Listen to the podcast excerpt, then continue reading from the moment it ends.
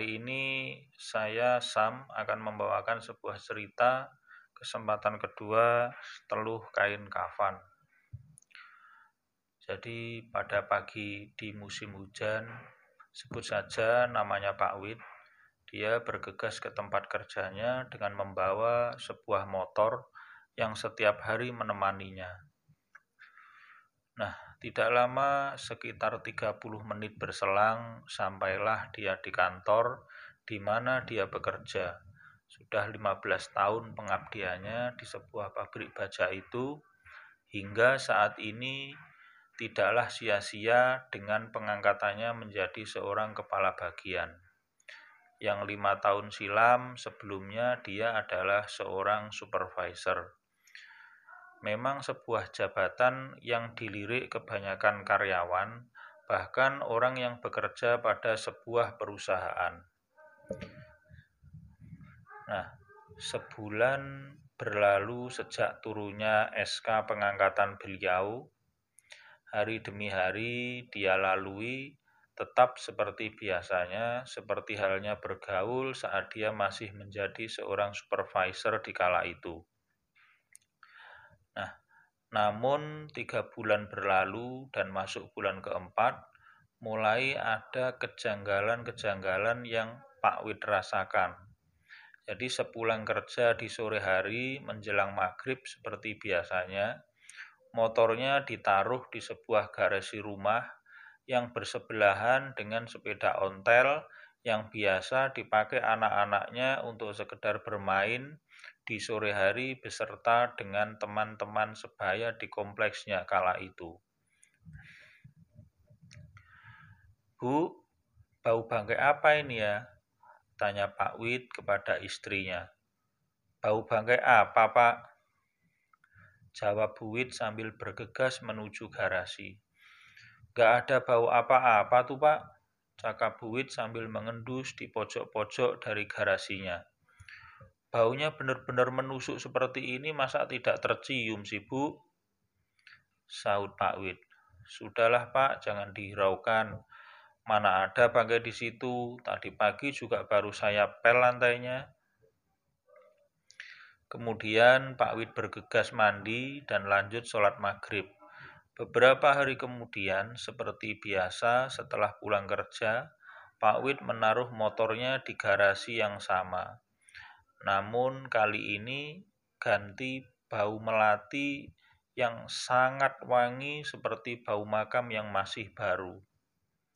Namun Pak Wid tidak menghiraukannya dan bergegas mandi setelah itu lanjut dengan sholat maghrib seperti biasanya. Hampir dua atau tiga bulan terjadi seperti itu terus dan sesekali yang aneh terdengar suara seperti petir menyambar di atap genting rumahnya yang diikuti dengan suara seperti kerikil yang bergerak menggelinding di atap gentingnya. Nah, kejadian itu biasanya bisa sampai tiga kali dalam sebulan. Namun setelah kejadian itu biasanya Pak Wid selalu keluar rumah dan melihat kondisi di rumahnya yang sunyi sepi seolah tidak ada apa-apa. Apalagi hujan dan petir. Karena pada saat Pak Wid keluar malam itu bintang dan bulan terlihat begitu jelas. Suara apa ya? Seperti petir dan suara kerikil yang dilempar di atas genteng rumahku tadi. Gumam Pak Wid dalam hatinya.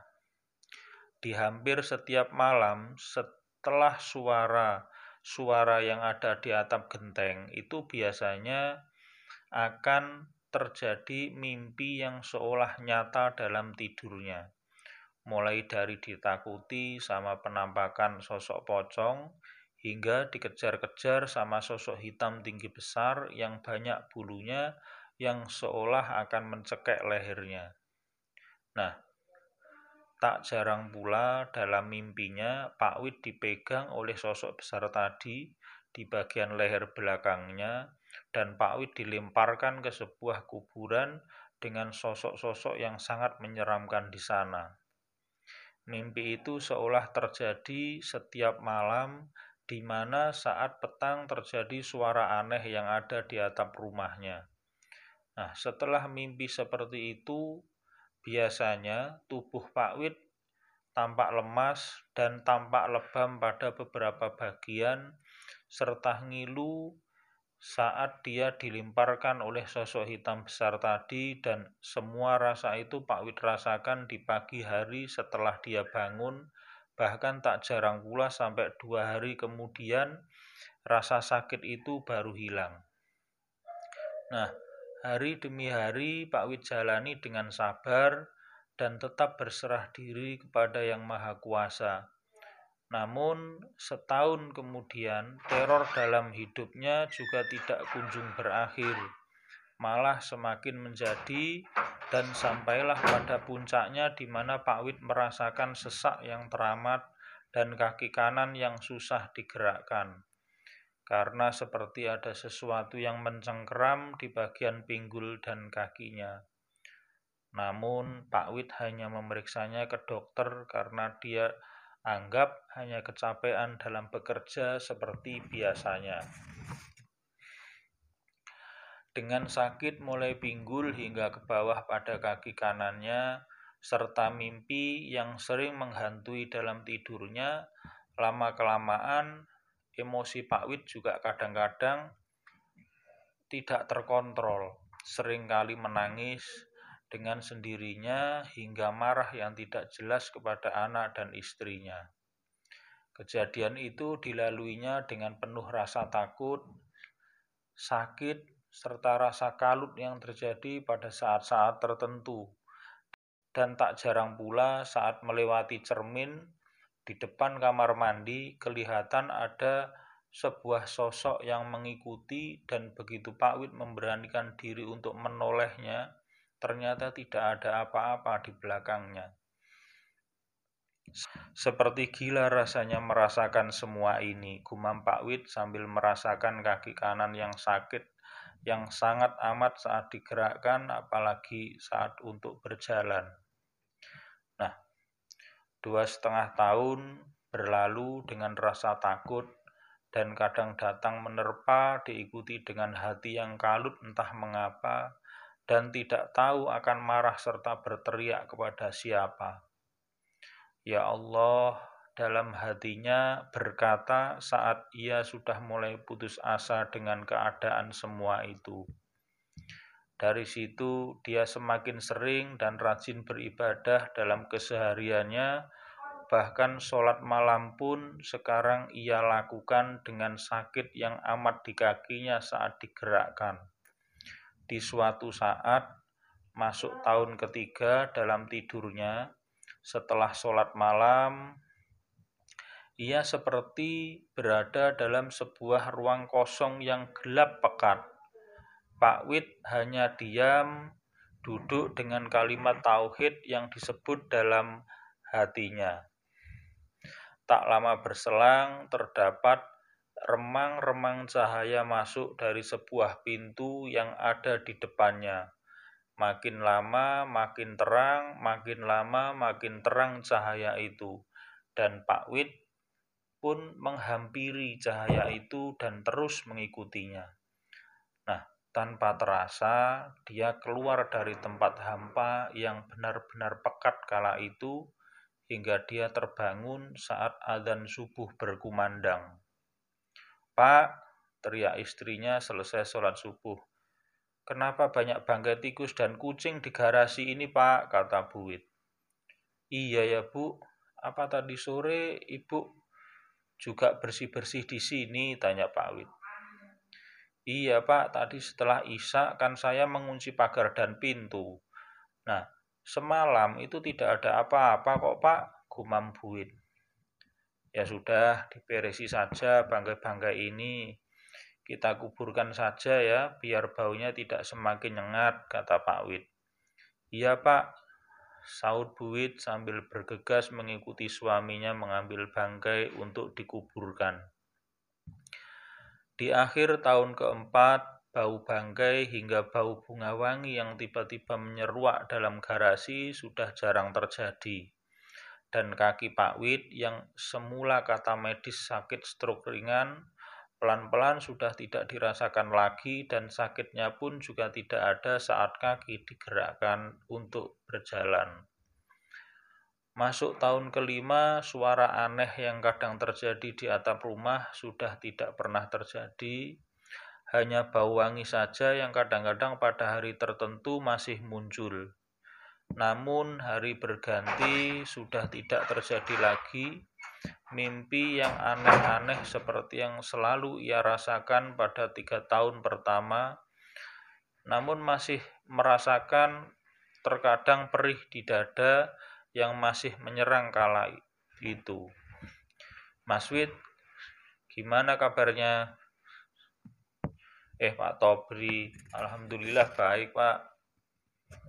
Eh Pak To tumben mampir biasanya kan langsung bablas saja saut Buwit dari balik pintu rumahnya. Oh iya Bu, ini tadi kan hari Minggu, libur sekalian mampir. Sebentar ya, saya bikinkan kopi biar enak ngobrolnya. Cakap Buwit sambil menuju ke belakang. Ah, gak perlu repot-repot Bu, biasa aja, saut Pak Tobri. Gimana sakitnya Mas? Kelihatannya sudah baikan ya, cakap Pak To. Alhamdulillah Pak, sudah mendingan, jawab Pak Wid. Kelihatannya kain itu sudah putus, Mas. Ke, ke kain? Kain apa, Pak? Tanya Pak Wid sambil keheranan. Sebenarnya saat Pak Wid tidak bisa jalan beberapa waktu lalu, saya melihat sosok layaknya saya mungkin sebut pocong ya mas. Itu selalu mengikuti sampean ke mana sampean pergi.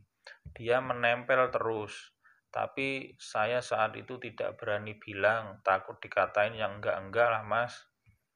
Astagfirullahaladzim kenapa tidak bilang langsung saja kala itu Pak To Pak To hanya tertunduk diam sambil nyeruput kopi buatan buit Pantas selama ini saya dalam mimpi selalu ditakuti, bahkan saat di kamar mandi pabrik di mana saya bekerja, juga pernah saya melihat itu di cermin, tapi saya tidak pernah hiraukan. Tapi siapa kira-kira yang tega melakukan itu kepadaku ya Pak To? Nah, tanya Pak Wid sambil penasaran. Ah, nggak usah dicari tahu siapa yang melakukannya pasti dia akan menerima karma dari perbuatannya sendiri.